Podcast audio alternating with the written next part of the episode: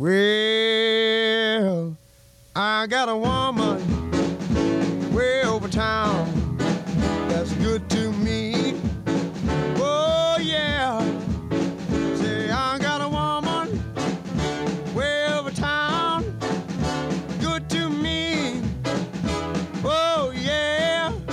She Já, komið sæli, hlustendur góðir, þetta er podcastátturinn 10 bestu sem farið loftið aftur Yeah, og uh, við erum komið með frábæran hlustenda uh, til okkur í dag. Uh, ekki hlustenda, við, viðmælandi og hlustandi. Við erum uh, hér að senda út frá podcaststudió Akureyrar, Gleragötu í uh, frábæra stúdíu sem er nýbúið að setja upp. Og það er auðlýsingastofan Markís sem býður þér þennan þátt hlustandi góður. Finnur þá á Facebook. Og þeir uh, sérhefa sig í samfélagsmiðlum að setja upp fyrir þig hvað sem þú þart fyrir þitt fyrirtæki. En já, við erum með, uh, eins og ég kynnti, þá er uh, viðmælandi minn uh, í dag markastjóri Afreks kona í sinni íþrótt, nýflutt í bæinn aftur, þar að segja Akureyri og rekur líka sætta stöð og hún heitir Björk Óðinsdóttir. Verður velkominn, Takk hella. gaman að fá þig. Takk.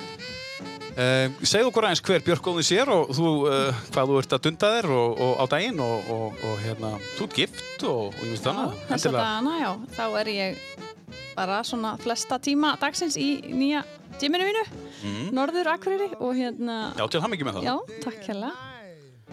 Það er fyrir svona, já, minn mesti tími í og ég bara elska vinnuna mína, þannig að þetta er eiginlega bara búið að vera ótrúlega skemmtilegt. En ég er, er eiginlega, þó ég sé gift, þá er ég eiginlega einstæð líka, Já, það er þar sem að hann er svolítið mikið í burti. Já, hann býr ekki hér núna. Nei, hann er í landsliðinu, í Já. bandarísk landsliðinu í bobsleða, þannig að hann er mikið frá.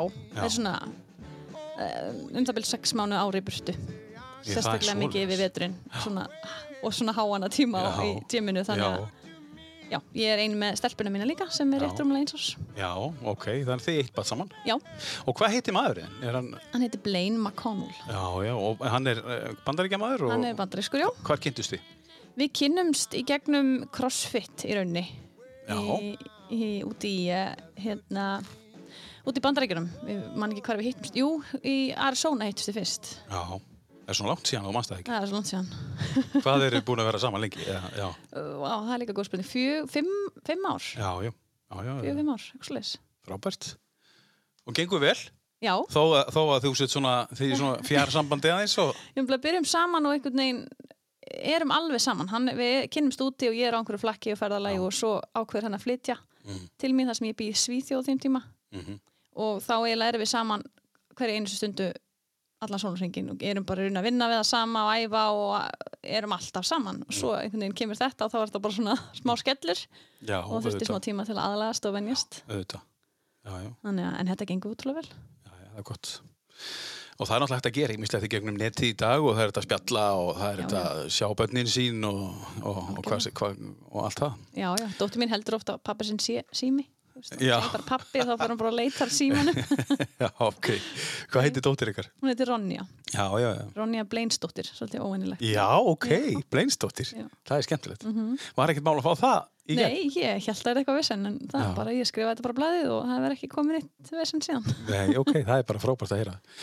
Ronja Bleinsdóttir, hún er hress og skemmtileg eins og, eins og mamma sín og, og pappi sín og er hún farin að stunda yngar líka sett? Ekki að viti þá. Hún er ekkert hann að vinna niður frá Nei, hún var mjög mikið þar þegar við vorum að opna og taka allt í gegn og svona hún fór að byrja mig og svo er hún núna að dama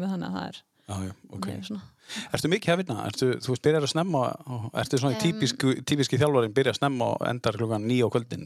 Sko, ég væri það ef ég ætti ekki stelpuna mína Já, að, og ég er bara þakklátt fyrir það sko, því að þá væri maður búin að vinna sér svolítið í kaf sko. já, og ég er á það til að gera það auðvitað, þannig Já. að en ég er reyni, núna til dæmis get ég ekki að fara að þjálfa sexamótnana, þannig að við erum búin að fyrir starfsfólki í það, já, er það ekki bara ágætt? það er ágætt jú, en maður hefði alltaf gert það sjálfur að þetta er mitt fyrirtæki og nei, vill vera allstaðar og svona, en Já, já. jú, jú, það er bara gengur vel og starfsfólki er að standa sér rosa vel sko, þannig að Ertu með marga góða?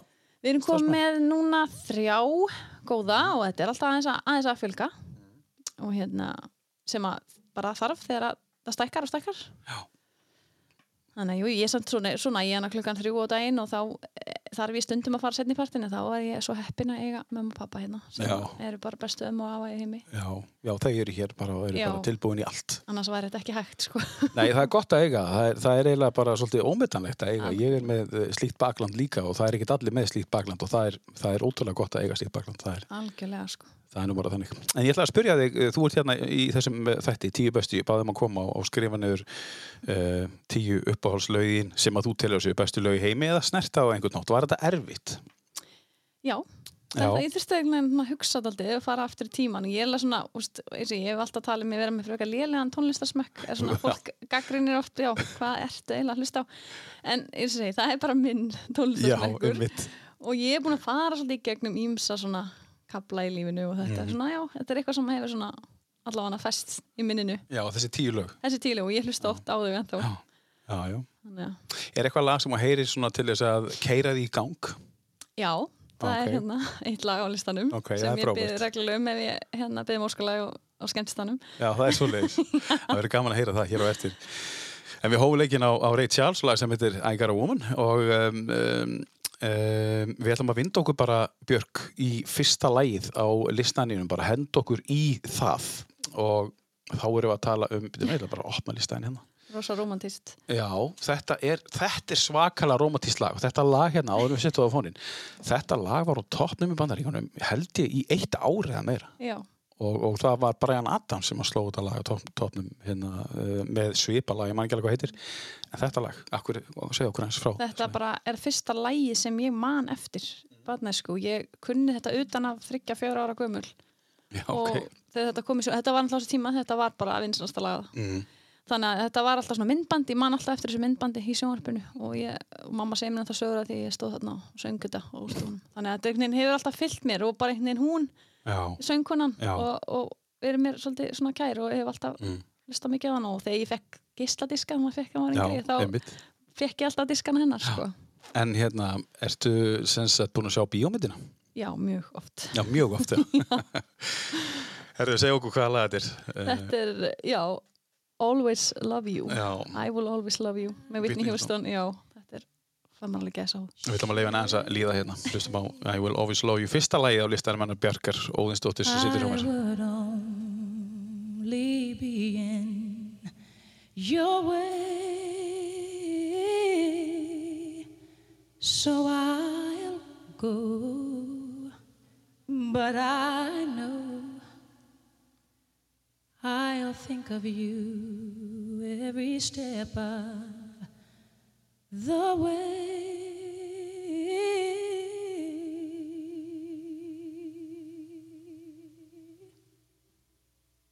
And I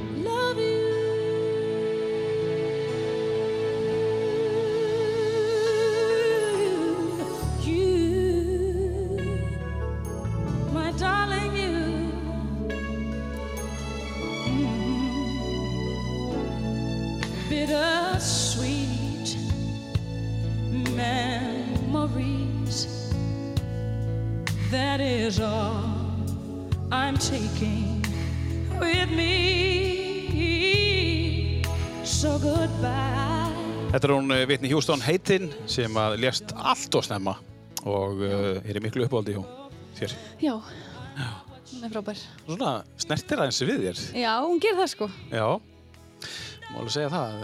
Grætur þú stundum yfir lögum? Ég bara, þú veist, ert þú sko típa það? mm, Getur þú grátið yfir lögum?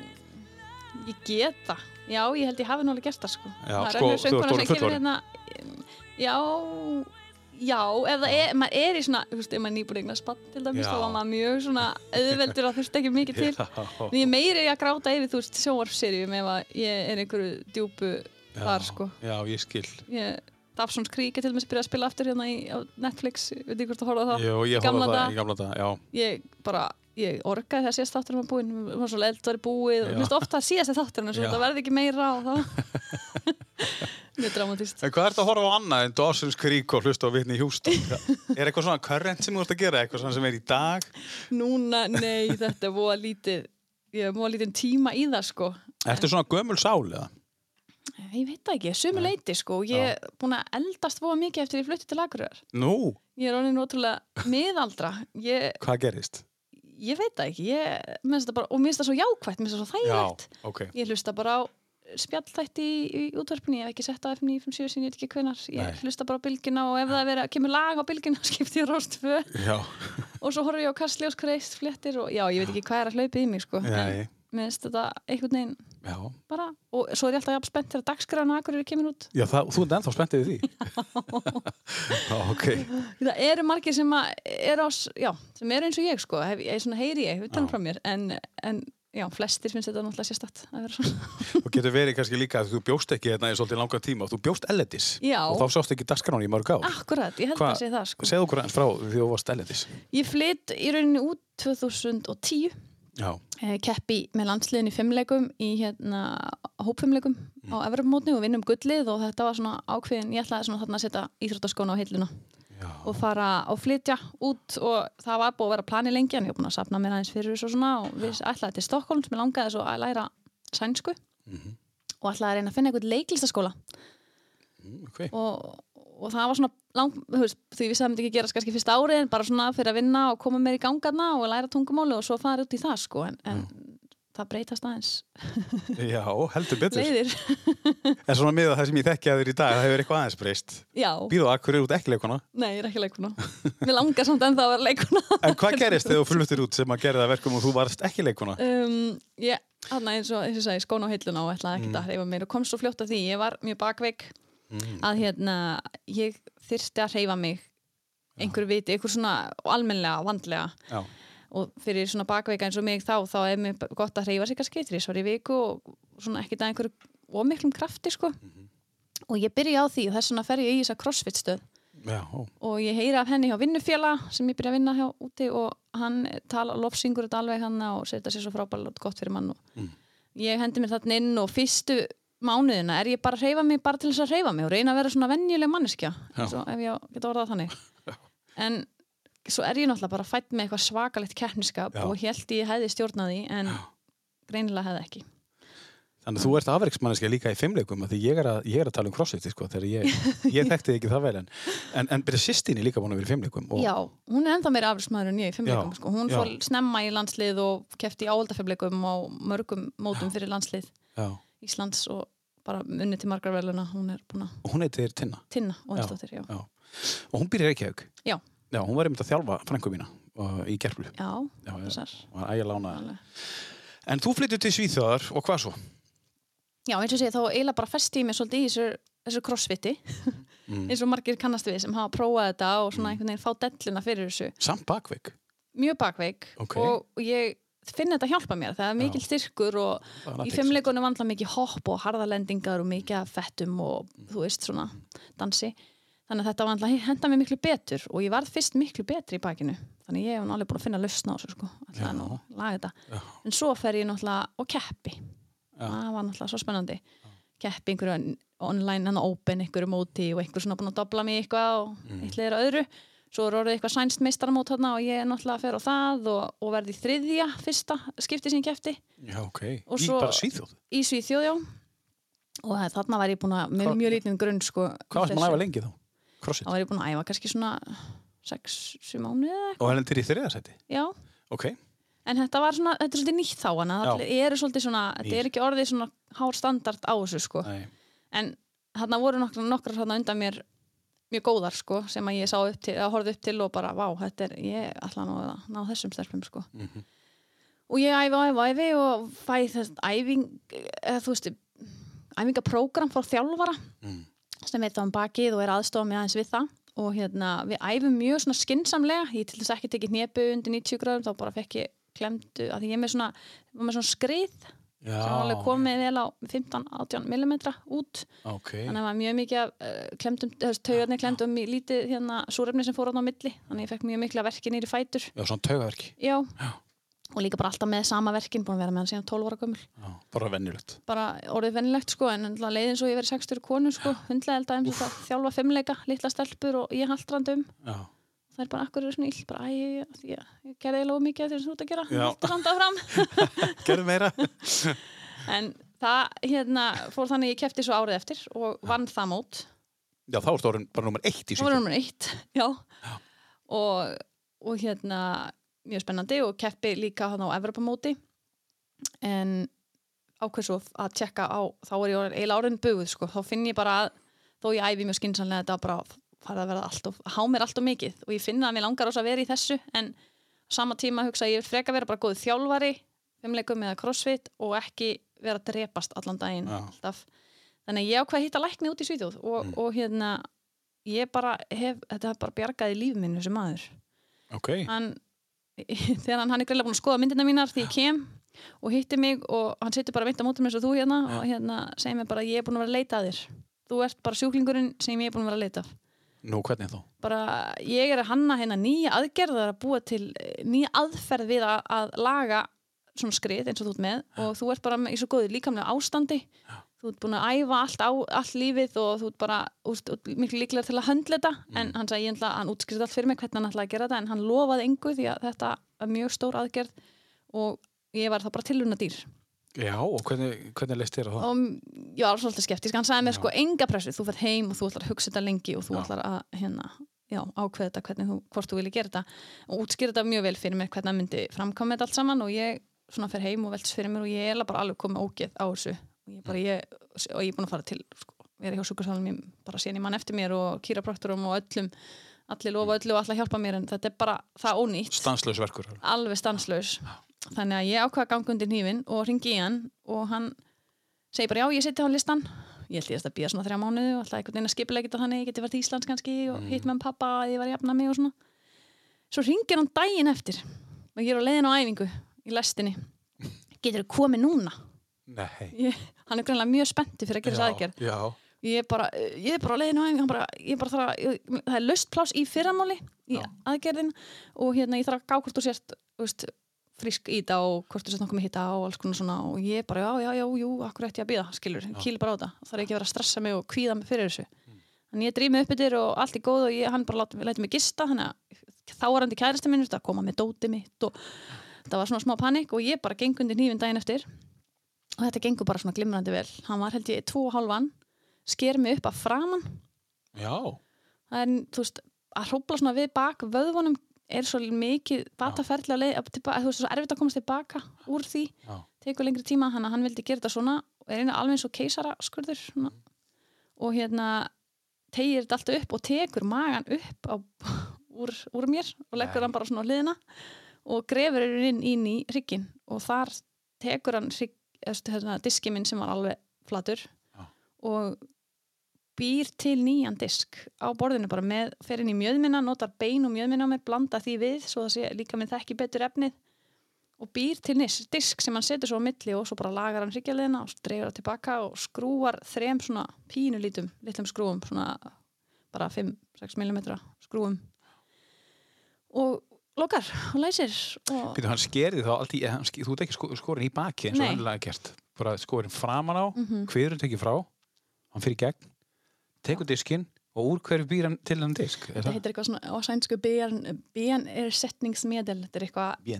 Já, þannig að diskurinn minn er ekki svona um, dempandi eins og þínir diskar kannski Ok. eða þú veist, hinnir, hann er svolítið meira eins og bein Já. þannig að hrygg, það er hryggjarliður þund bein og svo hryggjarliður Ok. þannig ég er enda svolítið ekki eins sveigjanleg þarna í þessum neðstu tveim hryggjarliðum En Hvernig líðum við með þetta í dag? Veist, hvernig ég veit ekki hvað líf mitt væri án þess að mann sko. er bara verkurinn hvarfam? hann hvarf sa samstundis Hvað sér?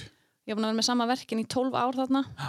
upp á dag og ég vaknaði eftir aðgerðin alltaf í leiðslum og snúrum og hann kemur hann og er bara strax og ég vakna og bara hann er svo æstur og spenntur þetta er sko svona 60 maður og þetta hafi gengið svo vel og ég bara opna augun ég finn bara, auðvitað náttúrulega livju þarna Já, en þessi, þessi verkur sem að var bara alltaf ég, hann eins og verið með hellur í eyrunum í Já. 12 ár það bara fór bara. Eða tampínu eða eitthvað. Já, Já.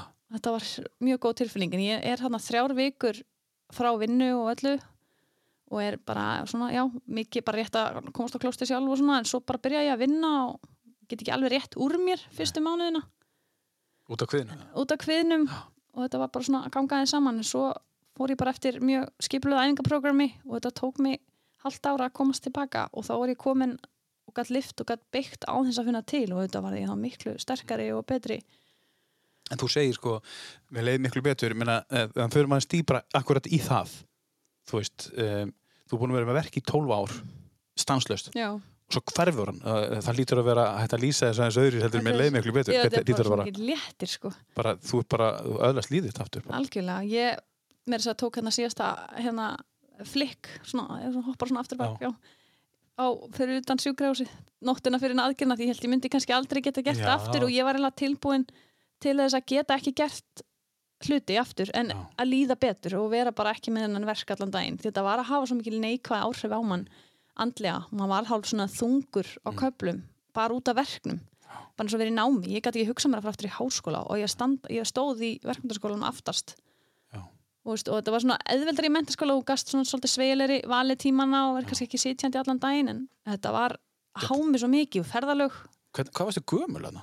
ég byrjaði að fá verk í 12 ára Og þe- þetta er upp í Og þarna er 24 ég- ára aldur. já, Þú ert ekki eldri og þú er búin að vera berjast í verki bara. já og þetta er meðfætt Já. en ég byrjaði svo snemma í fimmleikum að svo miklum krafti að ég, þetta kemur fram fyrr sem er eiginlega jákvætt í mínu tilvikja því að þá gata hann laga þetta. Ef ég hefði fengið þetta byrja að fóta núna því þetta væri meðfænt og þá hefði þetta byrja að koma núna Já. þá er ekkit oft nefnt, ekki nefnt að gera, veist, þá er eiginlega minni tilgangur að gera eitthvað. Já, alvarlega, eða þú veist, almennilega aðgerðir sko, þannig þetta var komið 18 mm þannig þetta sást alveg út Mm. að hryggurinn stakk út sko. Guðmi góður. Þannig að þetta var bara alveg eins og segi öðlast nýtt líf og þarna fekk ég bara svona, vá, get ég bara gert allt sem ég langar aftur Já, ótrúleitt. Og held að 24 það- ára. Já, það gaf mér held ég orkuna að einmitt gefa allt í crossfitið Já. og bara ég er að fá tækifæri til að vera íþróttumæður sem ég vildi vera því ég var 12 ára Já. og þá var ég á leiðinni í hans lífheimleikum ég var á leiðinni svo langt en það stoppaði allt á þessu Tölum við um aðeins betur það sem gerist í, í crossfitinu eftir þetta, Mhm. hérna Svanteberg heitir þessi Svanteberg. Já, hann er æðislegur Við þurfum að, þurfum að muna þetta nafn. Ertu í sambandi við hann í dag? Já, ég hef alltaf reglulega sambandi við hann Já. og hann heldur fyrirlestra í dag og kennir þessa aðferð Það er svoleitt. þetta hefur gengið svo vel Og þannig að- notar myndir. það er myndir af mér í skrifstofan svo, Já. hann notar mig sem dæmi Þið eru bóðin vinnir. Já, við erum vinnir Hefur við ætlum að fara í lag nummer tvö af, af listanínum. Það er um, þetta hér. Uh, þetta, ég verð að fá einhverja. Það lítur að vera einhver saga bakvið hérna. Já, og þetta er bara einhvern veginn þetta er líka svolítið svona æsku minning sko. Já. og e, sýsti mín syngur þetta í brúðköpinu mínu Já. og þetta er einhvern veginn bara, já, ég hef alltaf raulað þetta lag og, og, og fíla hana líka Já, auðvitað, hana hana, hana Elli. Hana, hana Elli. Já, við ætlum að... Syng þetta núna fyrir dóttur mína líka Já, þegar hún fyrir að sofa og svona. Já, Já, yndislegt. Við ætlum að heyra í Elli Viljáms, heyri mína bæn, lag nummer tvö á listanum hennar Bjarkar.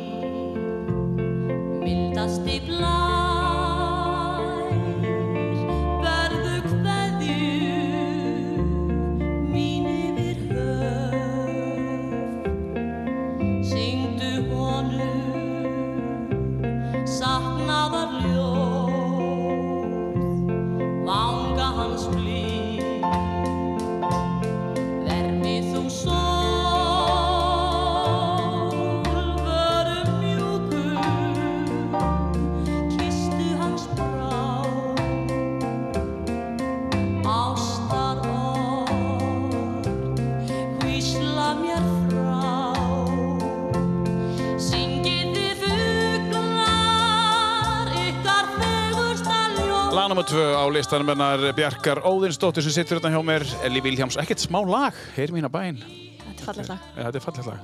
Er þetta lagi sem hún myndi gráti yfir? Já, mjög líklega Ég greiti mitt í brúðköpinu þegar sýsti mín söng þetta lag já, ummitt. mm, Það var bara frábært, já, mér finnst þetta, já mjög bara svona huggulegt lag og sett þetta fónin og slaka á Þetta er mjög fallegt lag. Her, við vorum að tala um, uh, þú varst komin úr að geðhriðna rétt á hann uh, og þá gastu fara að gera það sem ég langar að gera og þá sagður uh, þessna kannski náði þessum árangur í CrossFit. Þú varst búin að vera nummer eitt í Svíþjóð. Hvað gerist þetta þetta? Um, já, úst, að vera nummer eitt í Svíþjó var auðvitað frábært en þá sér maður samt svona þessi stærri markmið sko. Já. og hérna að maður vil komast lengra og þetta í crossfitinu snýst alltaf um þessi að komast á games Mm. heitir, og hérna þá þarf maður að komast fyrst í gegnum uh, úrtakið sem er svona online keppni og svo fer maður á Evropamót, það var þá allavega. Og svo eru þar e, þrýr bestu. Eða nú eru fimm en þetta er svona aðeins bara breytast upp lagið á sig núna en þá var þrýr og þeir komist á, á Games þá. Já. og það var hann einn, maður sá Anni var búin að gera þetta skilur og maður svona sá þetta og þetta var draumur. Og eins og ég segi eftir þessa aðgerð og ég fæ þetta tækifæri þá einhvern veginn, sem ég segi, mér dreymdi alltaf um að vera í landsliðinu í fimmleikum og sína mig og sanna að ég gæti þetta alveg. Sem þú gerir? Já, og ég fann mína leið. Ég fór í landslið þó að vera ekki nefn í hópfjölmleikum og við unnum, eða þú veist, sem er alltaf frábær íþrótt Já. en mér, svona, mér langaði alltaf svolítið að sanna mig sem einstaklingur í, í íþróttinni. En ég samt sætti mér svo sem alveg við það þegar ég var í þessu stöðu þá 14-15 ára, bara þetta er ekki að fara að gerast. Þú ert ekki að fara í landslið í fimmleikum bakið er ofslæmt, Já. þetta mun ekki gerast sko, og maður svona reyndi svona, já ok, ég verð bara frábær þjálfari og maður finnur einhvern veginn, ég allan hef alltaf verið þannig, er eitthvað neikvætt, þá hef maður bara svona fundið jákvæð hliðarnar, Já, já. en eins og ég segi þegar maður kemur út úr þessari aðgerð og sér að maður er að jafna sér svona vel og verkurinn er alveg farin að þá bara, vá, ég er ekki að fara að setja ykkur að skóa hilluna núna, sko. Nei. það er ekki bóði, sem þú ætlar að gera þegar þú fluttir svíþjóðar já, sí, síðan líða 6 eða 7 ár þá er crossfitin alltaf orðið miklu stærra þú veist, eftir, þú veist, og, og, og, veist, og, þá kemur og Anni Mist er búin að fara, þetta er 2014 eða eitthvað svolítið e, já, ég kemst á Games 2014, já. 2014, já. mm. Og hvað gerist á þessum, segja okkur aðeins frá, hvernig er að vera á þessum, þessum oh, ég Þessum bara, games. þú veist, að komast var náttúrulega bara einhver þú veist, þetta er svo mikil harka sko. Þannig var ég að keppa á móti mitt Söru og Katrinu og öllum þessum og Sam Briggs og bara neymitt sko, við vorum hann allar á gólfinu og, og ég var bara rosa dugleg kannski að halda mig við mitt, ég var með æfingaprógram og þjálfara og ég einhvern veginn svona bæði andlegan þjálfara og svo æfinga, eh, þú veist, þjálfara. Já, ok, þú ert líka með andlaðan þjálfara. Já, það held ég spilaði svolítið stórt þarna fyrir mig sko, ég náði voða mikið að halda mér bara í mínu og láta ekki hitt vera að tröfla mig. Það er alltaf rosa mikið sem gerist á þessum mótum. Þetta er æfingar sem kannski enginn beint búin að prófa og það kemur alls konar upp á. Já, uh, bara, ímdaður bara kaðallin sem þú klifraðir er ekki eins og kaðallin sem þú æðir í og hann Já. er bara miklu sleipari og þú stort að geta tækla alls konar hluti og ég einhvern veginn náða að halda góðri innbyttingu og ég lendi í öðru sæti þarna. Öðru sæti á öðru þessum móti? sæti á þessu móti, Anni fyrst og svo ég og svo, Býtu, ert að keppa fyrir svíþjóðana? já, Já, þú ert að keppir keppa er alltaf fyrir stöðuna sem þú æfir í Já, já. íþrótt, hefur allavega var þannig þá. Ok, þannig að það er Björk Góðunsdóttir með, með sænskum fána sko. þú lendir þetta í öðru sæti já, 2014? Anni Íslendingur fyrst ég í öðru sænsku fáni og svo kemur Kristín Holte með norskan Var Holtið nummer þrjú? já, En, hvað sér? Ok, þannig að þetta, já, þetta eftir síðasta vóti, æfinguna þegar maður búin að komast í mark og einhvern veginn leiti kringur sig ég held ég að verið þriðja, ég vissi bara ég þurfti að vinna þennan eða þennan og þennan og þennan og til þess að komast þarna og maður lítur einhvern veginn, maður hefur ekki þú lítur ekki upp, þú ert bara að klára að vinna eins rætt og þú getur. Svo kem ég í mark og ég sé að þetta er, þetta er komið. Já. það er bara besta tilfinning og ég man ennþá hvernig hún er í dag að bara já, Sigurinn Sæland sko, sem að streymdi hann um og mamma og pappi voru öll þarna og sískinni mín og fyrst að komast bara á mótið eins og þú sagðir. En síðan lendur í öðru sæti í Þarna- mótinu. Já, Hvað gerir það fyrir þig? Bara, bara, eins og segi, ég bara var ótrúlega, þetta er einhvern veginn stolt og Já. glöð að vera ekki að drepast í bakinu líka og vera bara með heilan líkama. Já. Og hafa þetta spennandi verkefni að vera að fara á heimsleikana. Já. og þarna er þetta náttúrulega ennþá 2014 og komin þess lengur og það er ekki mikið af styrtaraðalum í þessu. Ég var með einhverja smá svona sem voru að gefa mann einhverja vörur og eitthvað smá, ég man ekki, ég var að fá eitthvað 30 skall frá einhverju á mánuði eitthvað. Já. og maður myndi ennþá að vinna bara með þessu og æfa og ég var að vinna í stöðinni sem ég æfði en þetta henda alveg vel. Já, en maður var samt bara réttan á endum saman og komast á þetta mót. Það þurfa að fara til Los Angeles í ágúst þannig mæ og veist, bara ok, hvernig á ég að hefna því? Það var svona alveg svolítið Já, stór pakki sko. Þráttur og lendi í öðru sæti í mótinu Já. og þú samt að hafa ágjörðu þessu. Þeir Já. eru ekki að gera það í dag núna, þeir sem eru að keppa. Nei, Nei. nei, það er ekki þannig í dag. Og ég hugsaði bara, wow, ég veit að flugmiðin kostar x mikið og hérna ég þarf að hafa þjálfara minn með mér og þú veist þetta þetta er svona smá batteri sko Mm. og það þarf að hótel og þetta er allt já, kostar sitt. Og ég man bara hvernig ég setti bara plan og ég, ég byrjaði að baka ég bakaði svona prótein kókoskúlur fyrir fólki í tíminu og þetta stóð bara að þetta væri veist, ég að baka og, og allir ægóðin rinni bara í flugmiðan fyrir mig sko. Og ég seldi og seldi og ég bakaði þetta allt með höndunum og hakkaði allan hetuna bara með hníf og, og gerði þetta bara hverjum Handmade. handmade sko, fólk elskaði þetta en þetta var að byggja mér í dag. Hvað eru boltarnir, Já, það er svo leiðis proteinboltarnir ég fekk alveg upp í flug með hann. Já, ok, flott. Þannig Fyrir bæði þið og þjálfan já, Ok, þannig að þetta var, þetta hjálpaði ekkert smá. Svo eftir á fæ ég styrkin í rauninni að kemur eitt styrtaræðilin Eleiko sem er með svona stangir og svona borgar svo hóteli fyrir mig en það svona léttir alveg á manni sko. Og ég, já, þannig að þetta bjargaði svona allt saman en, en þetta var alveg smá, smá auka stress. Æðislegt. Og hvað gerir síðan eh, 2015? Uh, já, sko, í rauninni er þetta eftir heimsleikana þá uh, strax, ég fer ekki heim Nú, ok. út af, ég fæ tilbúðum það að hafa komið nýtt, það hefur ekki bara crossfit lengur heldur komið eitt sem heitir eh, NPGL sem er svona National Pro Fitness League eins og það hétt Já, og það er svona liða crossfit keppni. Já. og það var nýtt hana og annar ekki tengt crossfit sem startaði því, þannig að þetta var svona smá samkeppnis aðilar hana já. og mér er búið að vera í einu liðinu þar.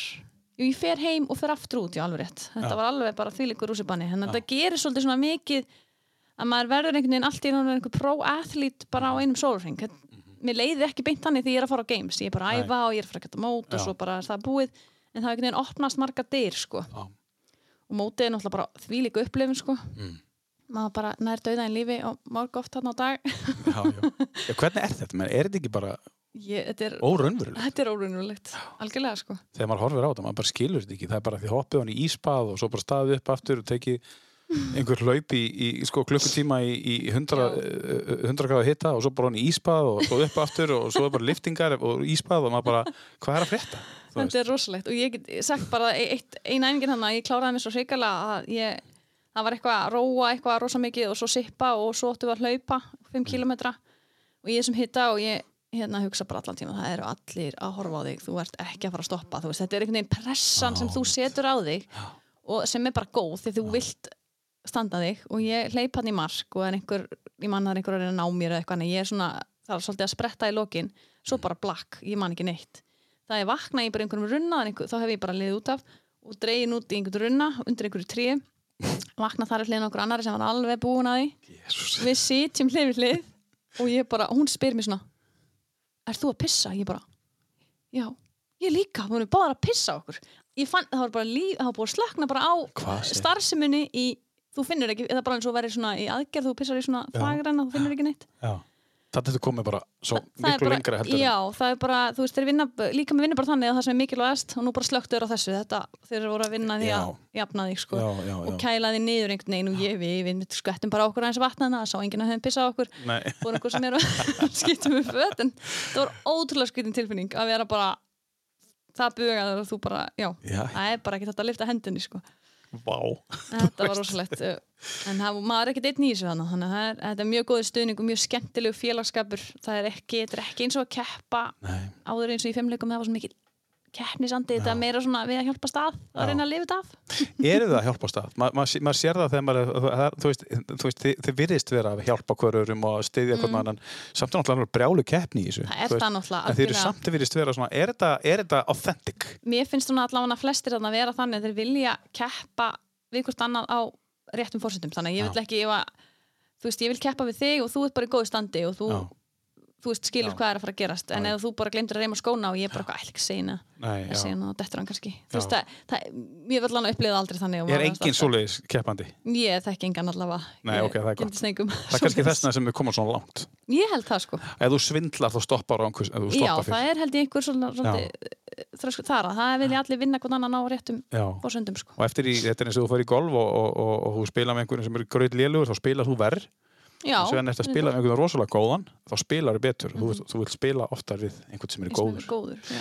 Herru, hendum okkur í lánum með þrjú. Þetta er, uh, þetta er hvað? Þetta er, hvaðan kemur þetta? Æ, þetta kemur svona heipa tímabilinu mínu þannig að þegar ég er svona Þú áttu hippa 13 tímabil. 13-14 ára veslaði bara í Sputnik og, og held í kólaportinu og hérna var svona að finna mig í lífinu held ég þarna er svona bakið, ég er svona hætta að vera íþróttamæðurinn í fimmleikunum einhvern veginn og er að finna mig þarna svolítið kynnist ég beir svolítið listinni og vil kannski þessna leiklistar konan inn í mér er svolítið að vakna að þarna För mann séu það hér á eftir. Leifum uh, Lúríta eins að taka nokkrar, mínu, nokkrar sekundur hér. Her eyebrows on the way, shaved her legs, and then he was a she. She says, Hey, babe, take a walk on the wild side.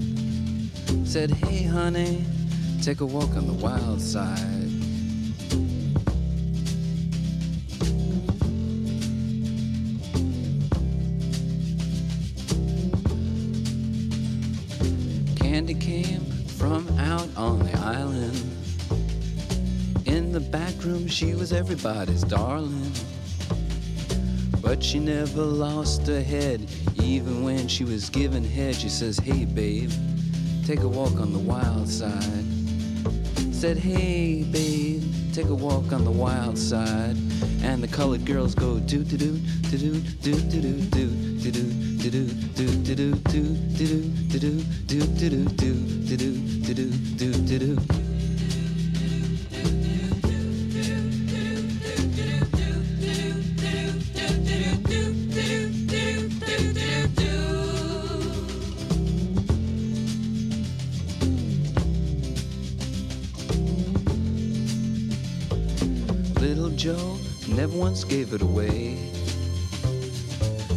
Sittur þetta hjá mér Björk Óðinsdóttir, afreikskona og markastjóri e, nýju stöður hann sinnar Norður sem er líka setta stöð sem við ætlum að fá að heyra betur hér á eftir e,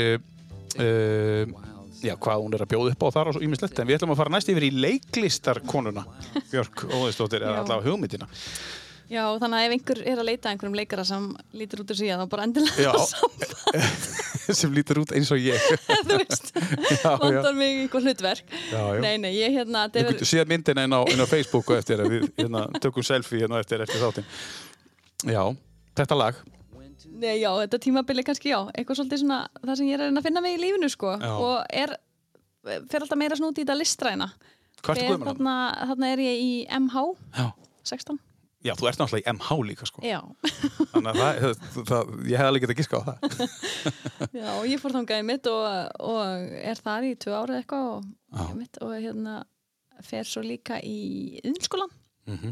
í hönnun og arkitekt, þannig að ég svona, er alltaf svona, svona að finna mig á þessari listrænu sviði í lífinu og Já. þarna er maður svona, já, ég get alveg hugsað mig bara að vinna í spútninga sem eftir að lífsins og fara á kaffibarinn um helgar, Já. Já, þú varst þarna bara. já, prófa að reykja og svona Já. tókst ekki vel, ég er með mígrinni mikið þannig að þetta gekk aldrei hjá mér þetta var svona, pældi í þetta væri enda svona en þarna var það bara ótrúlega cool og Þú varst bara að vera að prófa að fara einhver alltaf aðra leiðum, varstu vön. Já, ein- e- eiginlega svolítið þannig. Því ég var þessi stilt að stelpa alltaf duglega í skólanum og Já. hérna stóð mig vel í fimmleikum og, Já. og átti bara vin í íþróttum einhvern veginn. Já. Svo einhvern veginn þarna er ég aðeins að prófa nýtt. Fetaði áfram. Feta mig áfram í lífinu, sko. Sjá hvort að þetta væri eitthvað fyrir þig. Já, Og hvað, hvenær komstu að því að, hvað, hvað gerist? Hvenær, hvenær kom vendipunktur hún og fórst aftur í? aftur, sko. Ég, það gerist eiginlega eh, svona um tvítugt. Já. Ég flytt aftur hingað heim Já. til Akureyrar og Já. klára er rauninni stúdendin hér í verkmyndaskólanum. En þá er ég svo heppin að þá næ ég að að sinna þessu listrana hluta í lífinu. Ég, ég mitt fer hérna og vinn sem lista, æ, hvað heitir, listasumrinu og fá alltaf einhverjur úlingar starf hérna sem Já, já, já. svona að skapa og gera eitthvað skemmtilegt og ég var mjög heppin þar og nokkru krakkar fengum að gera alls konar skemmtilegt. Hvað gerði þið? Gerum til og með svona hjartað á hérna, rauða, hérna stoppljósin. Já, gerði þið það? Þá vorum við með það og hjarta, vorum með hjartarútu vorum með svona ástar ég, var oft í bikini í hérna og lá í sólbaði hérna þar sem að fólk er að koma úr skipunum Já, og átti að vera svona strandarkona bara með blæ- blæju og með koktel og tímaritt og ég veist að vera bara hann í kannski tvo tíma. Bara tíu gráður sko já. Já. Uh, og svo erum við að dansa þetta alveg, þetta tók á sko. En þetta var mjög skapandi og skemmtilegt. Fenguðu bara að gera það sem vilduðu, svo segir bara. Solti sko, Já, bara með hugmyndir það var einhver kona sem var hérna aðeins yfir okkur og við hérna Já. fengum aðeins að skapa. Já. mjög skemmtilegt, en ég var alltaf líka að vinna alls konar annað með, en, en þetta var hluta af því og svo þarna fer ég svolítið í, e, kynni svolítið leikfélaginu og sækjum í hérna hlutverk, Gói kemur inn til Já. og vil gera söngleik Já. og ég sækjum það og, hérna, og kemst inn og fer, fær aðalhlutverk í, í leikriti og er að leika í leikfélag Akureyrar í alveg átta sýningum Og hvaða, hvaða leikrið á það? Wake Me Up Já. þannig að þarna vorum við, já, svona Er það, er það hann að vamm? Já. Já, já, ok. Var þetta tónlist bara, eh, Þetta bara fram? Já, þetta var bara, hvað heitir það, svona Veit söng, ég. söngleikur. Sönglugur? Já, Já, já. þannig ég maður var að syngja og dansa og leika og Og Þetta er hvað, 2000 og... hvað er þetta? 2000 Sex, og- sjö. Já, sjö. Hann var já, hérna þá? 6, Já, 7 og Halli var hérna líka? Já, Halli var okkur líka eins og Já, já. maður lærði helling af þeim sko þetta, Já. og margir af þeim sem voru með mér en leikardinu eru núna bara starfandi leikarar sko. Þetta eru mikli snillingar, góð og góð. Algjör snillingar. Þannig að þetta Já. var ótrúlega skemmtilegt og ég fann bara, wow, þetta, ég er að fara að gera þetta. Já, Þarna varst ekki búin að æfa í hvað langan tíma? Ég er rauninni Varstu tek alltaf að smá pásu í fimmleikunum svona 16 17 18 ára þá er ég minna í fimmleikunum svona að svona miklum krafti sko út af bakinu og er svona að finna mig í því. Já. og ég, þegar ég flytt hérna norður og fyrir þetta leikrit þá tek ég það og svo setna árið er ég bara að þjálfa fimmleika upp í fimmleika húsi hér verð yfir þjálfari hér og klára stúdentinn og fæ svo betra jobb í Reykjavík í Gerplu Já. og verð hérna yfir þjálfari einnig dild þar Já. er í fullri vinnu og það var alltaf bara til að sapna með pening því ég ætlaði út Já. Erlendis og það, þá, já, svo fer ég ég ætla aldrei að æfa fimmleika meira sko, nema stelpunar hann í Gerplu dróðu mig bara á æfingar Já. í hópfimmleikunum og hérna ég enda einhvern veginn í landsliðinu og að keppa og vinna gull á. Evropamóti Já. Enn og eftir eftir komið í Já. landsliðið og vinna gull og það var bara, það var frábær lífsreynsla að vera í gerpluliðinu, það eru bara svo æðislegar allar stelpunar og það var svo mikil stemming í þessu liði og mikil metnaður og við lögum svo mikið á okkur Mm. þannig að við keftum að Norrland, ég kefti örgulega með þeim á einu Norrlandamóti já og einu Evropamóti Þannig ertu búin að vera eh, þá í einstaklingsfimlingu líka í Íslandmestari og þannig ertu í hópafimlingunum. Þannig ertu ekki flutt til Svíþjóðar, svo óttu eftir að flutt til Svíþjóðar. já, ég verð bara ég, ég verð bara Evropamestari í hópfimleikum ekki í áhaldfimleikum sko ég svona, já. var eitthvað, já, vann eitthvað í þrejbónum þar en svo bara tók þetta En þú varst. Íslandsmeistari í, í áhaldafimlingum? Nei, Ekki? Nei. Nei, jú bara einhverjum þrepum en Já, ekki, ekki, ekki svona overall Nei, sko, nei. ekki svo sýsti mín Nei. Já, hún er... Hún, hún er, er búin að vera svona aðeins meira í þessu sko já, já, hún er ennþá í sig. Nei, Nei, hún hætt. loksins hætt, segi ég Flott. Og hvernig er hún líkalega? Nei. Það, það löngsa Herðu, eh, færum okkur yfir í land með fjögur árum, höldum áfram og þá ætlum við að kynast aðeins betur fyrirtækinu í norður. Eh, Þetta lag hér eh, með Rökku Gröndal, eh, lag eftir Gu- Gunnar Þórðarsson. Ég veit ekki hversu oft ég er búin að hlusta á þetta lag sko. Já, Þetta er svona þessi tími sem ég er hérna í gerplu og, og vinn mikið þá er ég, já, ég þetta bara alltaf í bílum ég átti bara eitt disk í bílum já. og þessi rúlaði Og þessi rúlaði og þetta er Ég lag sem. Björgvin Halldórs gerði e, vinsælt á sínum tíma og lag sem heitir Vetra Sól, þetta er í uppáldi á mörgum. Þetta er Raka Gröndal, leiðum henni hans að taka næstu sekundur.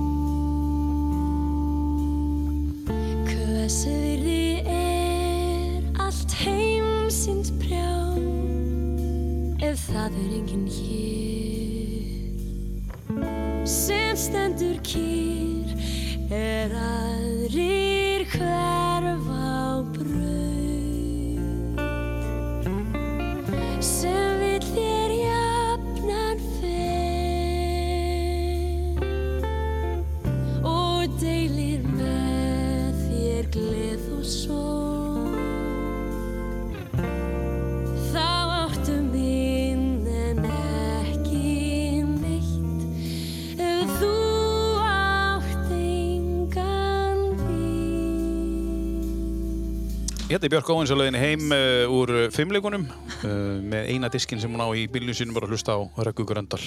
Vetra Sól, þetta er fallegt. þetta er mjög fallit Þetta er á listaneinum yfir bestu lög sem þú har heist Já, og það snerti þig, bara það einhvern. gerir það sko Hvað hva, hva minnir þetta á? Bara, mi- not, er, er tónlist svona því að hún bara hendir þér á einhvern stað? Já, þau gerir það oft sko Hvað gerir þetta Eh, lag? Þetta bara hendi mér svolítið á þennan tíma sko Já. sem ég var þarna og ég litlu hérna Nissan mikrobíli minn og bara einhvern veginn þessa tíma sem að voru þá og þetta er svona 21 stöggja eða þú veist, maður er svona úlingur, ungur og ég tek ofta þetta þennan disk upp og milli akkur reykjavíkur og hérna renni yfir hann Já.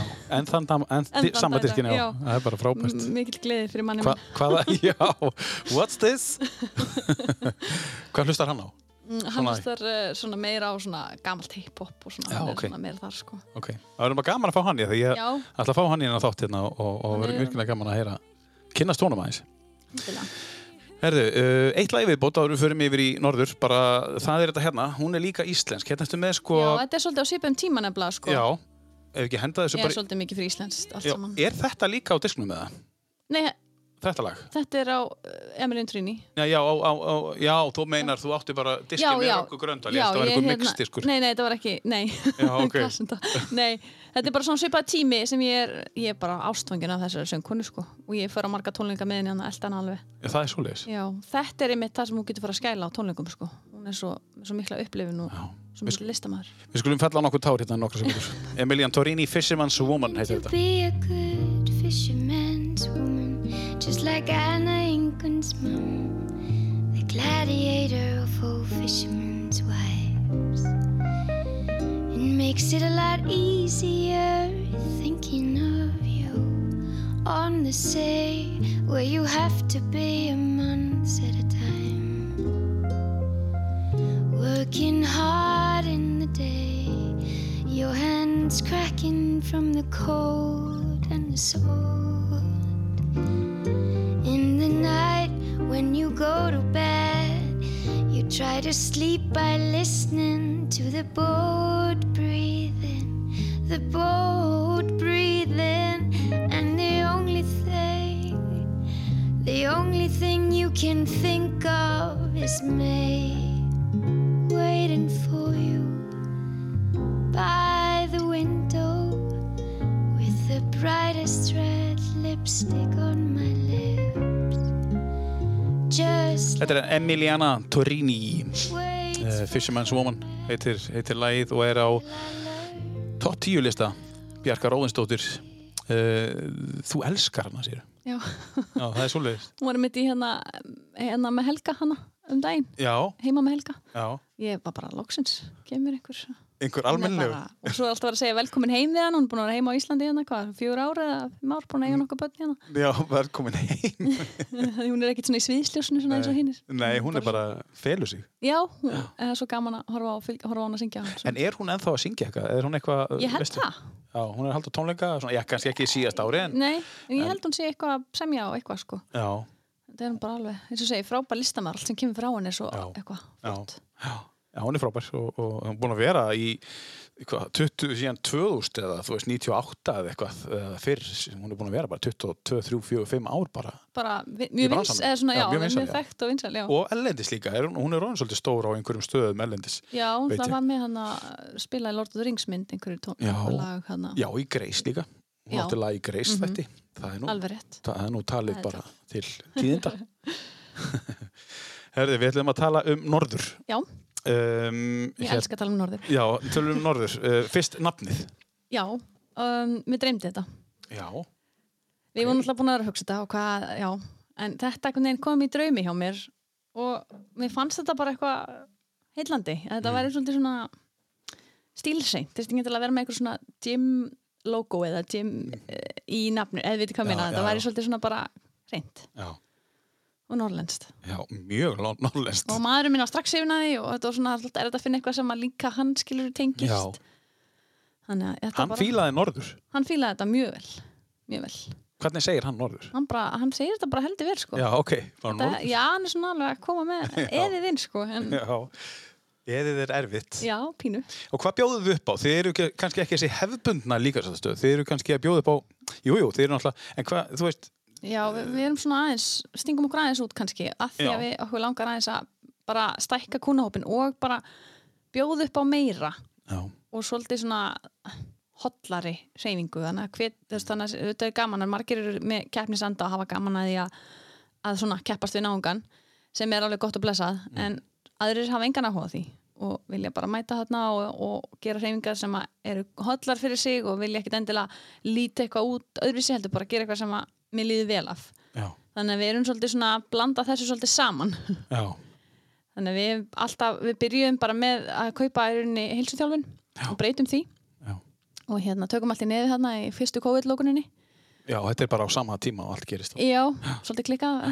Svolítið klika Já, en hérna hendum okkur í þetta og hérna þetta er bara á annari og þriðu hæð sem er náttúrulega býður ekkert upp á neitt crossfit eða stangir skilur Nei. í rauninni. Og við Út af- ákveðum út af bara droppinu. og já, já, þannig að við ákveðum bara að byrja þetta hægt og ætlum bara að vera þarna fyrstu á, fyrsta árið tvö. Var svona pælingin sko að hérna, og erum með styrtartíma og úthaldstíma Mhm. það er styrkurinn er mjög svona frekar hægur tími og allir geta svolítið, það er allur skalinn sko, ég um daginn var ég með mömmu mína og pappa minn og mömmu og svo bestu vinkonum mína, þú allir í sama tímanum sko. Já, og einhvern veginn þú sért búin að vera rosa ert rosa öflugur í ræktinni og vanur að lifta mikið og svo einhverju sem eru bara alls ekki þar sko, en Mhm. þetta æfingaprógrami svo sem sem Blaine gerir hendar rosa vel Já. að fólk tekur bara sínar þingdir og þannig að sátími hefur bara alveg verið svakalega hvað heitir sá tími? Styrkur, Styrkur, já. já. Svo erum við úthald Já. sem er í rauninni bara alls konar blanda æfingum, meira náttúrulega þól og hérna þar er ekki verið að vinna neitt með stangir, bara bjöllur og handlóð Já. og líkamstingt og hjól og, og svo leiðstæki Mhm. þannig að það er mjög vinsælt tími líka svona góð brennsla og, Mhm. og fólk fer alveg rauti eins og epli út og aðla Já. ánætt með sig. Já, þannig að mjög mikil fjölbreytni og svona fólk er svolítið mikið duglegt að blanda þessu saman. Já. en svo bara erum við að strax bara að springa. Þannig að við ákveðum bara að tjekka hvort að við getum ekki fengið neðstæðina líka í húsinu og opnum hana í byrjun ágúst strax eftir Vestló. Já, tökum hann í gegn og hérna þar verður þá svona crossfit-salur. Þannig að nú erum við með þrefaldan tíma eða þú veist, þrjá mismöndi tíma í bóði það er þá vott sem er þá bara svona crossfit tími já. Þá ertu komin á gamla, gamla slóðir. já, algjörlega, þannig að nú erum við ég veist, við getum bóðið upp á meira og Já. við prógramum þetta allt í takt Já. þannig að kúnandir okkar eru mjög duglegir að flakka á milli taka kannski útvalda mándegi og styrka Já, og svona geta bara aðeins flakka það því að já. það er verið að prógram eftir sömu vöðahópum Og þú greiðir eitt verð bara og þú mátt fara í alla tímana. Þetta eru loka, þetta eru semst, tímar sem Já, þannig að þú skráir þig það er alltaf bara max uh, 14 eða þú veist það er einhver x margir í hverjum tíma Já.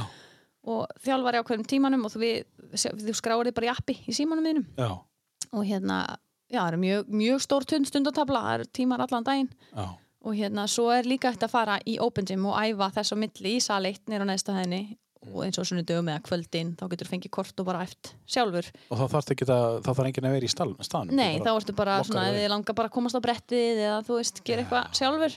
Það er öðruvísi, það er enginn að bjóða á það hér. Nei, ekki í svona svona tí, eða svona svona upplæg, sko, þá hefur þetta ekki, það er bara eins og í vörglas getur náttúrulega farið og gert bara svo vilt, en það er að tækja salur Já, en er alltaf starfsmæður hjá þér hérna á, uh, á, Nei, nú er, nei, reyndar ekki það Já. er reyndar rétt hjá þér, er Þú ert að bjóða upp eitthvað sem enginn er með. Enginn er með, það er Þannig ég get farið bara á sundagskvöldi, bara Já. ég þarf að fá að hlaupa eins. Þú getur farið Og ég hef kort og- þrjú í nótti eða langar Já, Nema, nú er COVID, þannig að nú er svo, svolítið strángari reglur þegar Já. kemur að því og við Já. þurfum að hafa alla í tímum og skrá alla já, og einmitt. þannig að en svona þegar það leysist allt saman þá Já. verður það aftur í bóði og geta bara farið þegar mann hendar og það var alveg nýtt vel sem eru kannski í vaktavinnu og Mm. búinir átta en bara allir fullir orku og langar kannski aðeins að Já, einmitt. komast Já, bara því er að loka, eða þú veist, það er að loka Já. til hálftíma, Já. það er alltaf opið sko Já, ok, þannig að uh, norður og, og þetta er, eru þið með heimasíðu? Eða Já. Eru já, bara norðurak.is norður ag. það er allt og við erum með rosa mikið námskeiðum líka. Pluss þetta, við erum með mömmu tíma og, og fólk til að við, eða vill bara svona byrja hægt og rólega, svona, svona komast í gang. Já, sem eru bara lokaði tíma, sko, Já, sem er svona námskeið sem þú skráið þig allt bara í sex vikur á sama námskeið með sama þjálfaranum. Já. Það er eitt sem heitir startið fyrir Já. þá sem vilja bara koma sér hægt og rólega af stað. Já, og við erum eitt fyrir þá sem eru með einhver meðsli þetta er uppbygging og endurkoma. Já. Ert þú með þá tíma? Uh, nei, hún er Cecilia, Cecilia. hún er svona íþrótta sjúkra, eða svona, já, íþrótt sports therapist, má við Já. ekki segja sjúkraþjálfari. Því hún er ekki með íslenska Já. sjúkraþjálfari Já, en, ég skil. já, en hún er lærð út í Bretlandi. Já, ótrúlega flink í svona bara, já, hún hefur bara endala svona áhuga á meðslum já, já. og elskar að leysa um því. Þannig að það er bara, já, við erum að reyna að bjóða upp eins mikið og við getum. Og mikið íþróttafélagum er að koma að æfa hjá okkur. Og og þið eru í tryggabrutt? já, og bara, ég verð bara að þakka fyrir frábæra viðtökur, þetta er búin að vera bara og, og, og var öllum vonum Það var frábært. að heyra. æðislegt sko um að gera að skjóta sér í, í, í norður uh, Mhm. og, og, og, og fá alltaf til dæmis bara kennara það er, e, þú veist, eða Já, þjálfara, þjálfara. fyrir þurfa það eins og bara í hátinu, þurfa ekki að hugsa Ég þurfa ekki að hugsa. Já, það er æðislegt og það er bara einhvern að ákveða hvað þú gerir Já. þú gerir það bara Já, það er ógæslega gott að þurfa ekki að hugsa mjög stundum gott Herri, við ætlum að fara í, í lag nummer 6 og þetta er Eurovision, þú segist, erstu Eurovision fan? já, ég er asnalega mikið Eurovision fan Er, er það? það Ertu er oft gett grína mér og ég gæti ekkit valið hvað Eurovision ég ætti að velja, ég vissi að ég er að velja eitt mjög gott en þetta var eiginlega, er eiginlega uppáhalds Þetta er hún Lena, er hún ekki dönsk? Manstu Nei, það? þýsk Er hún þýsk, já Satellite heitir þetta I went everywhere for you. I even did my hair for you. I bought new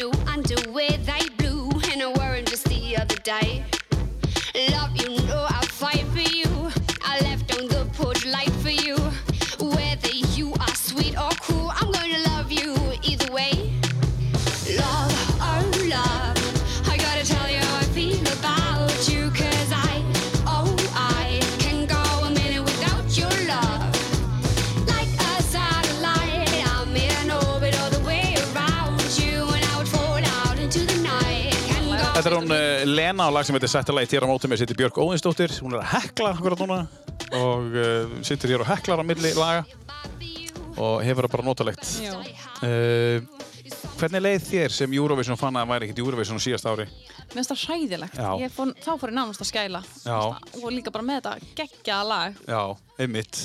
En já, eins og við segjum, við unnum, hefðum náttúrulega unnið. Já, já. Það er náttúrulega bara alveg Já, við, við unnum Eurovision á síðast ári. Það er þannig, já. Já. Það er að segja Íslandi, því þú ert náttúrulega líka tengt Svíþjóð. Já. Hvort heldur með Svíþjóð eða Íslandi þegar Eurovision er? Sko, venjulega hef ég alltaf haldið með Svíþjóð. Já, En í síðast ári var bara, ég var ekki sátt með útkomuna Nei. á Melody Festivalin. Þannig að ég hérna held aldrei með Íslandi. Ég Hvaða veit að held lag? ég alltaf líka með Íslandi, en, en já.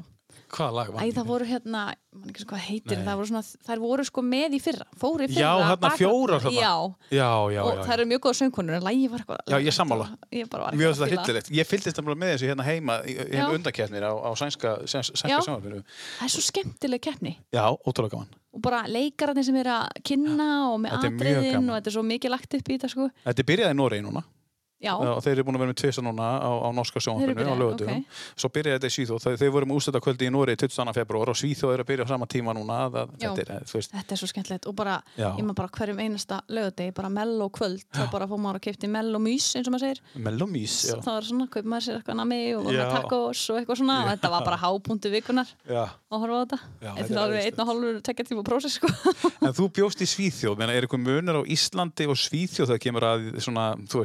þetta að segja undirbjörning í Eurovision og, og er, er, er meiri stemming í Svíþjóð eða er þetta svipað? Nei, það er meiri stemming í Svíþjóð, ekki svipað. Ég myndi segja það að Já. þetta sé svona tífalt meira hann úti. Já, það Það er bara, fylgjast allir með þessu. Já, Þetta er bara, þetta er bara hluti af stemmingunni, heldur okkur uppi svona við veturinn. mm. Og þetta er bara svo stórt, að fara í þetta er svo stórt. Þú sést bara dansar í einu atriðinu, þá ertu bara orðin frægur að þú bara komst í mello. Það er Já, bara, í Svíþjóð Í? Svíþjóð. Já, ok. Það Er, og allir sem æfa eru í dansi eða einhverju svona eru bara að vinna hörðum höndum í að komast í þessi atriði. Mello, er þetta bara að kalla Mello? Já, þetta heitir Melody Festivalin, en kallar, kallar þetta allir Mello.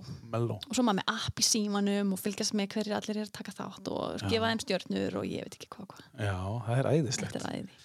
Og uh, ertu búin að heyra eitthvað, uh, þú, óttu þetta upp á hérna, Eurovision-lag, við vorum að heyra það með Lenu áðan og, og þessari, þessari þýsku, það verið erfitt fyrir að velja þetta. Já, líka hann að Mons Selmulöf sem hann vann hann. Já, sænski. Já.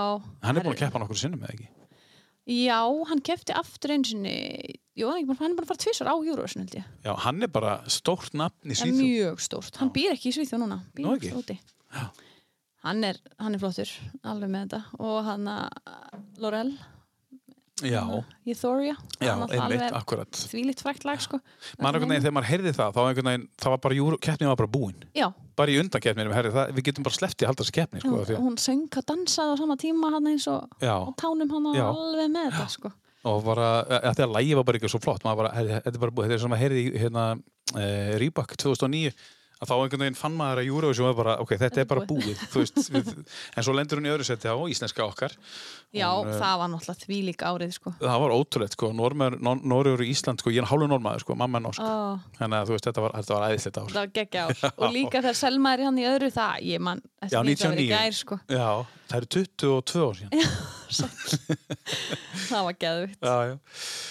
Herðu, uh, lag sem að kemur alltaf í gýrin og þú segir þegar þú fyrir á skemmtaðir, hvað, þú veist, uh, Ég nú var ert ekki þú... mikið í því núna, en, eða enginn er mikið í því núna, en, en svolítið nokkur ár síðan að ég var mikið í því. þá ferði á DJ-in. Já, ég nefnilega átti kærasta Já, þegar ég var í MH, Já. sem var DJ. Já. Það var geðvikt, sko, þá bara, hann var alltaf að spila hverfis og svona flottum stöðum niður í bæ. já. Ég fekk alltaf inn, sko, af því að hann var að spila þú hefur ekki alveg nógu gömul Mm og fekk svo að ráða tónlistinni, sko. Þú fórst bara í búrið og sagði, spila já, þetta og já. þetta og þetta og þetta. Þetta var bara draumurinn, sko. Og þetta þetta var hérna? mikið spilað. Já, þetta var mikið spilað. Hvað var hann að spila sér á? Kaff? Eh, hverfis, Hverfis, mikið og hverfis. já, bara Já. kaukastöng og alls mörgum stöðum. Hann uh, syngur með honum uh, Kanye West í þessu, hann Jamie Foxx, leikari. Hann syngur þá því þetta er náttúrulega gammal Ray Charles lag, byrjun þáttun af því. Uh, I Got a Woman, við ætlum að heyra þetta lag Gold Digger, þetta er lagið sem að kemur Björk í gýrin við sjá hvernig henni líður hérna eftir nokkra sekundur við erum búin að leifa þessu að rúlla þetta er á uh, tíu laga listanum hennar lag nummer sjö, Gold Digger that digs on me. Uh, She give me money. now I ain't saying she a gold digger, I'm in need. but she ain't messing with no broke niggas. Now I ain't saying she a gold digger, but she ain't messing with no broke niggas. Get down, girl, gon' head, get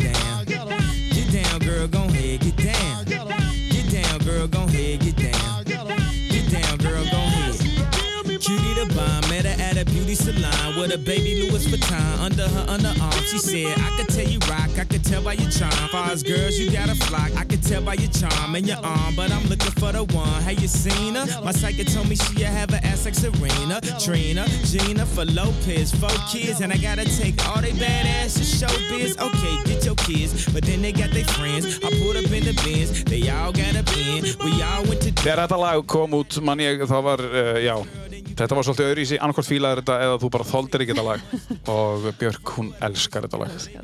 Gold Digger. Ég ætla að spila þetta ásatíðinu á norður Já, í botni. í botni. Já, hven er ástín? Við ætlum bara okkur langar að halda hana bara þegar hann má, sko. Já, við náttúrulega erum búin að vera, uh, já, bráðum opin í ár. Já. Það var að halda upp á þetta. Við fengum ekkert að halda upp á opnapartíðinni, Nei. þannig að það er, já. ég En held þið að- bara klæjar í- í- Já, já. Helga er held ég búin að setja dagsinningu, 20. des, nei, mars eða eitthvað. Sem að sjá. Ef það má. Ef það má, já. Já, við skulum vona að sé búið að, uh, já, þessi búið að vaksinera okkur, hérna, uh, flest öll fyrir þann tíma. En uh, við erum með tvö lög af þessum þremur eftir sem að uh, við erum með þrjú íslensk lög á þessum lista. Heyr mína bæinn með Eli Viljáms, uh, Vetrasól með Röggu Gröndal og Fisherman's Woman, eða þú veist, Emilian Torrini, þetta eru þrýr íslenskir artistar. Já. Næst ætlum við að fara til landsins með gula og bláa fánan. Ég er mikill aðdáðandi þessa lands. Já, þessa lands, já. Það er Svíþjóð. Uh, já, komur, hvað, hérna, þetta lag. Uh, Veronica Maggio, þetta er auðvitað eitthvað sem þú þarfst að útskýra fyrir. Já, það er ekki margir sem vita, hún er náttúrulega bara, þetta er svona, já, þetta er svona sænsk sönguna, hún er ekkert mikið að syngja á ennsku eða er mikið vinsal annars þar, en hún er vinsalasta sönguna allra svíja, held ég. Nú er það svo Já. þess, hún er bara Hún stóri er bara alveg staðist þar, sko, Hérna erum við til myndist með lag eftir hérna sem heitir Tilfell, Tilfelli heitir tilfélíðir. og, og hérna uh, og þetta er hérna, uh, hún er búin að fá næstu í 40 miljónum spilana en á Spotify. Já, það er eitthvað. En hún er alveg ekki, Það er Spotify, það er náttúrulega sænst. Já, það er Sænskt fyrirtæki. Já, Ótrúlega, Ég það. ótrúlega mögnuð eh, hérna, síðanir í að búið til tónlist og búið til eitthvað svona sem tengist þetta er tónlist. vinkonum minn að vinna að þetta er alveg geggjað vinnustæður, sko. Nú er það? Sjúkt, sko. Er hún að vinna á Spotify? Já, Já, í, já það er íslensk konaður. Er hún ekki íslensk? nei, þessi er enda sænsk. En sænsk, já, ok, það er einhver íslensk kona að vinna þetta líka. En Veron- Veronica Maggio kendi mér sænsku, verði ég að segja, því að ég hlustaði bara á Já, þetta já. og ég á skýrt það og ég bara lærði eiginlega sænsku í gegnum hana, sko. Þetta lag ratar inn á tíu laga listan þinn yfir tíu bestu lög sem þú hefur heyrt. Smá stuð í þessu. Það er mjög mikið stöð. Veronica Maggio, Já kommer, heitir lagið, við ætlum að leiði svo. Já, við- við- gefum við sem- gefum við á séns, Björk elskar þetta lag. Þetta er geggjalag, ég veist þessi sens.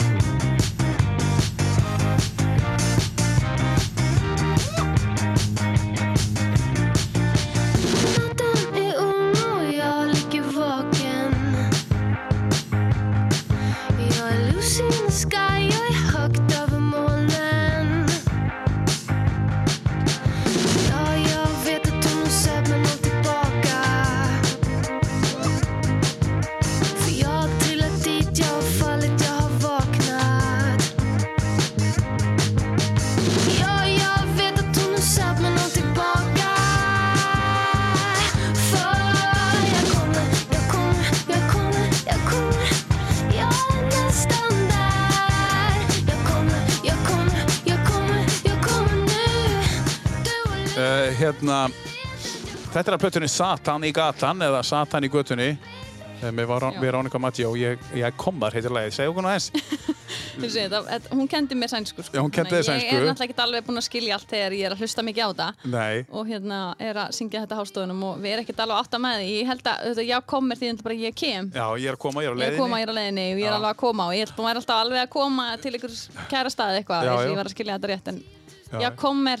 ég ég fæð, ég er að fá það, Já. ég er alveg að fá það skilur það er það sem hún er alltaf að segja og ég, er að læra og, og, og pappin og mamma, já þetta er flott Já, og já, já. er bara endilega að læra sænsku. Læra sænsku, já, þannig að þetta er svona, hún er mjög mikið að syngja um alls svona, svona skemmtilegt, þannig að já. Veronika Maggi og ég En skora á það eru allir krakkar í Svíþjóð voru að syngja þetta hástafn sko. Já, einmitt. En engin alveg, eða þú veist, já, þau og ekki og ég, semst ekki alveg skilja Nei, þetta. Er skemmtilegt. Ekki einu einu sinni bannað bara leifilegt, það er bara ekkert að þessu. Já, komur Veronika Maggi og við erum tvö lög eftir. Já. um, áður förum, för, hendum okkur í þau þá langar maður að spyrja eins og hana Ronju litlu, dóttið hérna Já, um, er hún fjörug og, og skemmtileg stelpa? Það er ekki eins á skumul jú, hún er 15 mánuða já, og á morgun. Já, á morgun já. hérna, já, og er bara ótrúlega skemmtileg. Ég, einhvern veginn, ég veit ekki hvað ég var að búast við því eignast barn, ég, held, ég ekki haldi að eignast leiðilegt barn, en ég einhvern veginn bjóst ekki við að eigna svona, svona mikinn vin, svona snemma einhvern veginn, já, ég, við erum vinkonur alveg bara. já, við erum alveg eins og samlokur og ég kannski líka út af því að pappinar er náttúrulega ekki mikið heima, en ég Já. er náttúrulega mikið með henni, einn og mjög háð mér, já. en já mér finnst hún alveg yndisleg og fyndin og skemmtileg og hvað gerir þið saman mægunar? Við förum út að leika og hún vil vera mikið að brasa eitthvað. Já, Við náttúrulega búum í litlu íbúð í, og hérna erum í svona blokk þannig að hún vil mikið fara út á gang. Mér finnst mjög gaman að hérna, fara á hlaupagangunum og upp og niður stígan þannig að ég er mjög oft á ganginum heima með hana. En hérna, já, hún er elskar að hlusta á tónlist, hún er lítinn hátalar og það er bara gerir hann ekkit, er ekkit skemmtilega en þegar ég kveikja hátalarun. hlustar hún á Veróniku Maggi? Já, já, hún hlustar á þetta allt. Hún fær ekkit að ráða, en hvað, hérna, hlustar hún á annars? á hún svo eitthvað uppáhaldslag? er það söngarsveinarnir? Í Lari Lari Lei er upp á slæðin Lari Lari Lei, já, Hérna með já. Siggu, Beindin já, já, þú ert ekkert útskýrað ég veit eins þú og Herðu, um, aftur sænst, uh, við eigum Já. topplæðið eftir, uh, þú veist, þú vildi spila þetta í þessari röð, hérna, er þetta hérna, hérna, er Mhm. þetta þá svona, myndur þú segja, lægi sem að, ja, er á toppnum af þessum tíu lögum? Neðsta lagi Já, já. Uh, mm, Ég veit það ekki, nei, nei, þannig að þú áttir ekkert kannski uppáslag, bara svona, Nei, ég á erfiðara með það sko Já. Ég kannski, Ef ég myndi velja eitt af þessu myndi það vera vetrasól svo, já. Já, ég held það sko já, með þá Röggu Gröndal. Já, Já, já, ok. En við höfum tölu eftir, uh, núna er uh, smá hip-hop. já þetta er hann Petter Mhm. Hann er líka mjög ásæll sænskur Syngur hann líka svipað texta á Verónika? Já, hann rappar alltaf meira og syngur alltaf mikið um sko, stemminguna á guttunni og og hann já. er búin að gangi í gegnum ímislegt, ég held hann er sjö börn, Ha, ha, ha, á hann sjö börn? ég held það Er þið ekki bara ungu? Ég var sko að mynda hann, er þið ekki bara ungu drengur? Hann er miklu eldri en maður heldur sko Já, ok. En hann á konu sem er mitt skíðadrottning Mhm. svíja og þau eiga þessi börn öll saman sko.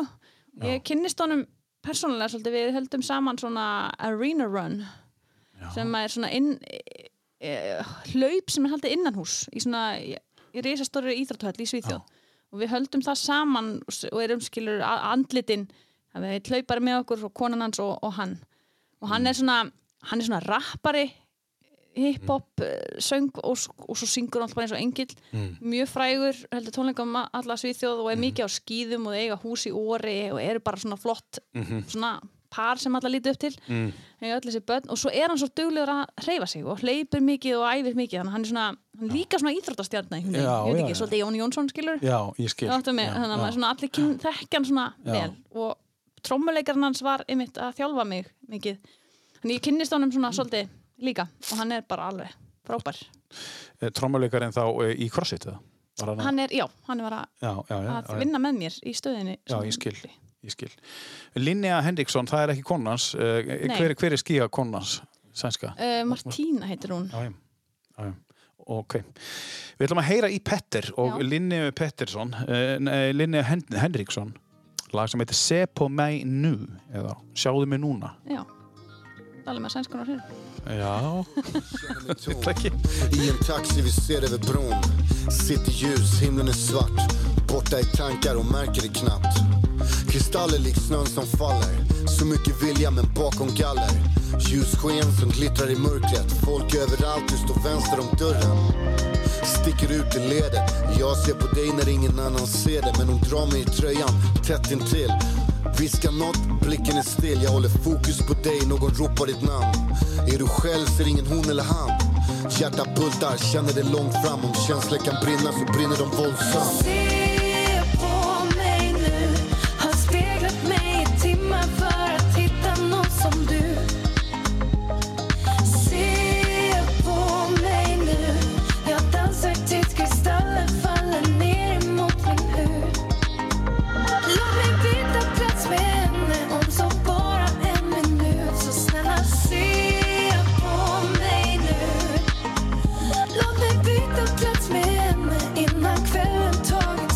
Þátturinn tíu bestu, út að hlusta á hann hér Spotify-inu tíu bestu. Petter Linnea Henriksson, Sepa Mæ Nú heitir lagið. Seppsholmen heitir platan og þetta er af uh, listanum minnar uh, Bjarkar Óðinsdóttir sem er einhver uh, líkasæstöðun á Norður meðal annars hér á Akureyri. Uh, seti hjá mér hún í dag. Uh, Þetta er uh, í bara vinurinn eða vinafólk þitt eða, Nei, nei, nei, þetta er ekki við þannig bara svona kynntust aðeins í þessu og hann er alltaf bara svona stórstjarnar sko. Já. Fekk aðeins að hanga með honum hana. Já. Þannig að það er bara, En ert þú ekki stórstjarnar líka, viðst þú varst, varst crossfitið hana?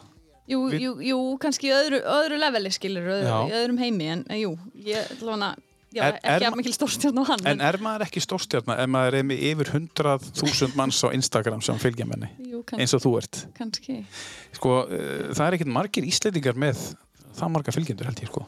Þetta Nei, það er ekkert margir, já Nei. Við erum ekkert rosa mörg en En- Ert þú að nýta þér þetta eitthvað? ekki nægilega vel, verði ég að viðkjöna Nei. um, Ég veit ekki, það fer bara rosa mikil vinna í það Já. held ég og ég vil líka svolítið gefa mig út bara að vera að ekki sína það sem ég er að gera og ég Já. hef einhvern veginn aldrei náða eitthvað að lifa beint á þessu Nei. þó ég lifði á því að vera íþróttamæður einhver þrjú árið eitthvað Mhm. þá náði ég að með styrstaræðalum og svo leiðis en það er líka samt ekkert einhver blómar og líf, líf sko Nei. þannig ég hef einhvern veginn bara verið mjög heiðarlega með að sína, veist, ég á litla íbúð og veist, ég er ekkert að kaupa, eða, þú veist þannig að þetta sé svona bara alltaf á borðinu og ég síni öllum það bara og hérna Já, já. Og ég held að fólk kunni alveg meta það, það er bara, Kanski ertu með 100 ást fylgjendur vegna þess, já, kannski mögulega. En uh, já, uh, það eru margir sem að nýta sér þetta. En eins og til og með Ronaldo, hann er með, ég veit ekki hvað margir fylgjendur. Uh, og veistu hvað eitt milljón. post hjá honum kostar? nei, það er örugglega svolítið dýrt 100 miljónir bara, eitt post. já, Bara miljón dólar, bara búm. Það kostar bara miljón dólar að ég set bara textan uh, Björk Óðins var í þættinum tíu bestu, áskir. Ég mæli með um til hlusta, send, 100 miljónir. 100 millir Þannig hann fekk basically sko meira borga fyrir Instagram heldur en vera fótbollstjarn á síðasta ári. já, sem er, sem er ja, á, á þar síðasta ári. já, þetta er náttúrulega svo stór stór miðill sko Já, þú getur náður í einhverja þúsund kallaða Já, einhverju þú skalla. Ég var einhvern tíma með einhvern umbósmann og var eitthvað að reyna að snúa mér í þessu en mér fannst þetta aldrei eitthvað svona voðalega heillandi sko. Kannski ert ekki nógu hér koma Kannski ekki og svo það endalist færið skilabóð einhver og þetta er alltaf eitthvað skam sko. Já. og veist ekkert hverju máttu að treysta og þessu ætla sko að gera þetta og þessu ætla Já. að og veist þetta er endalist. En þú finnur enga pressu að vera með þessa 100 ást einstaklinga Þú. Og ég misti alveg fullt af followers þegar ég gifti mig sem er útrúlega fyndið. bara daginn sem ég gifti mig. að? Og veist, þá hugsa maður svona, er þetta einhver sem heldur að ætla að giftast mér eða ég skil ekki alveg.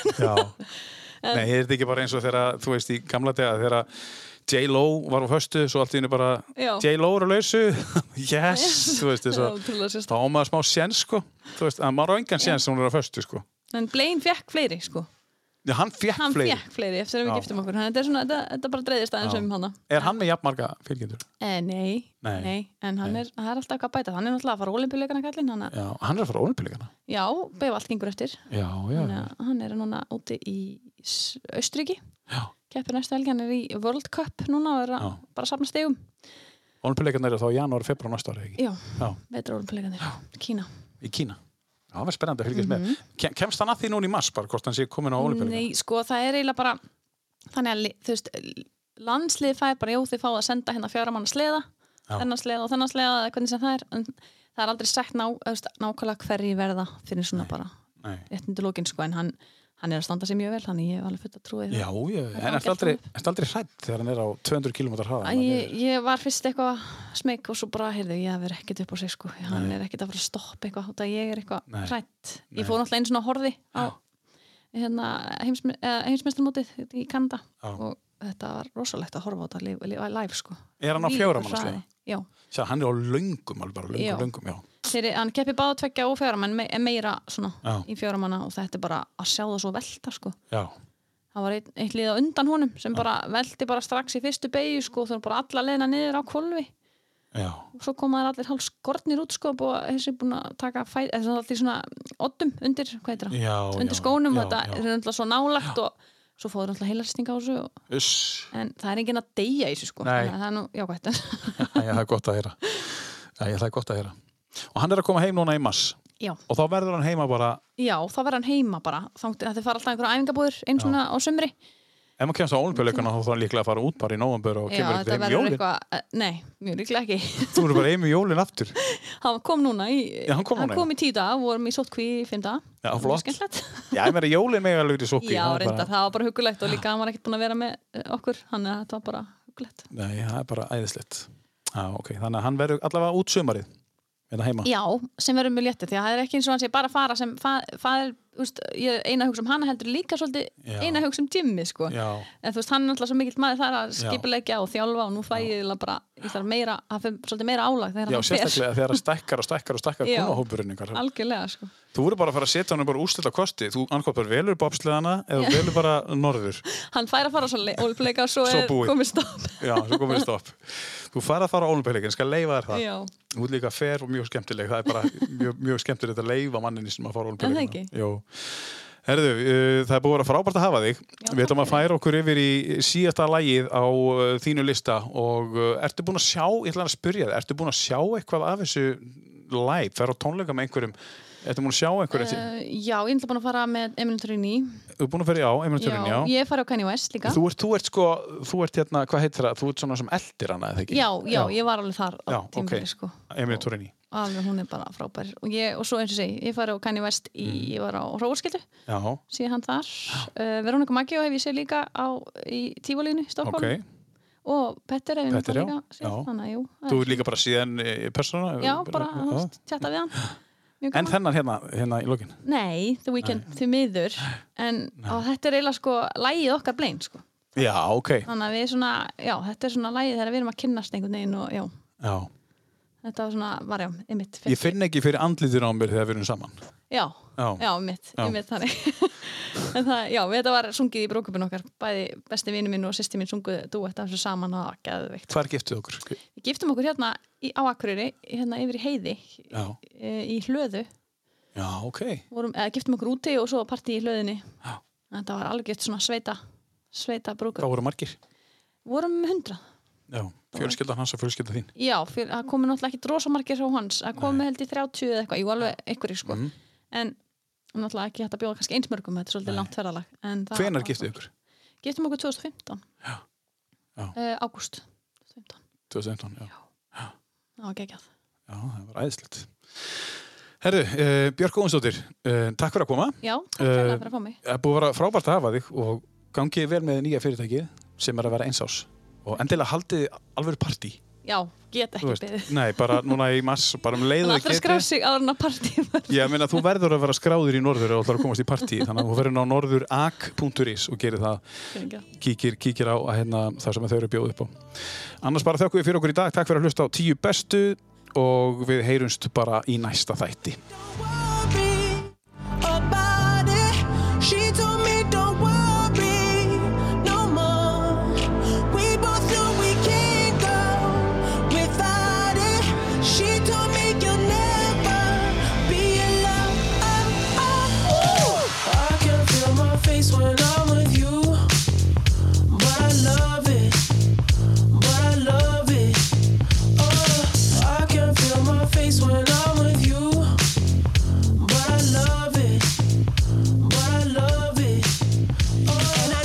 she'll be the death of me. At least we'll both be numb.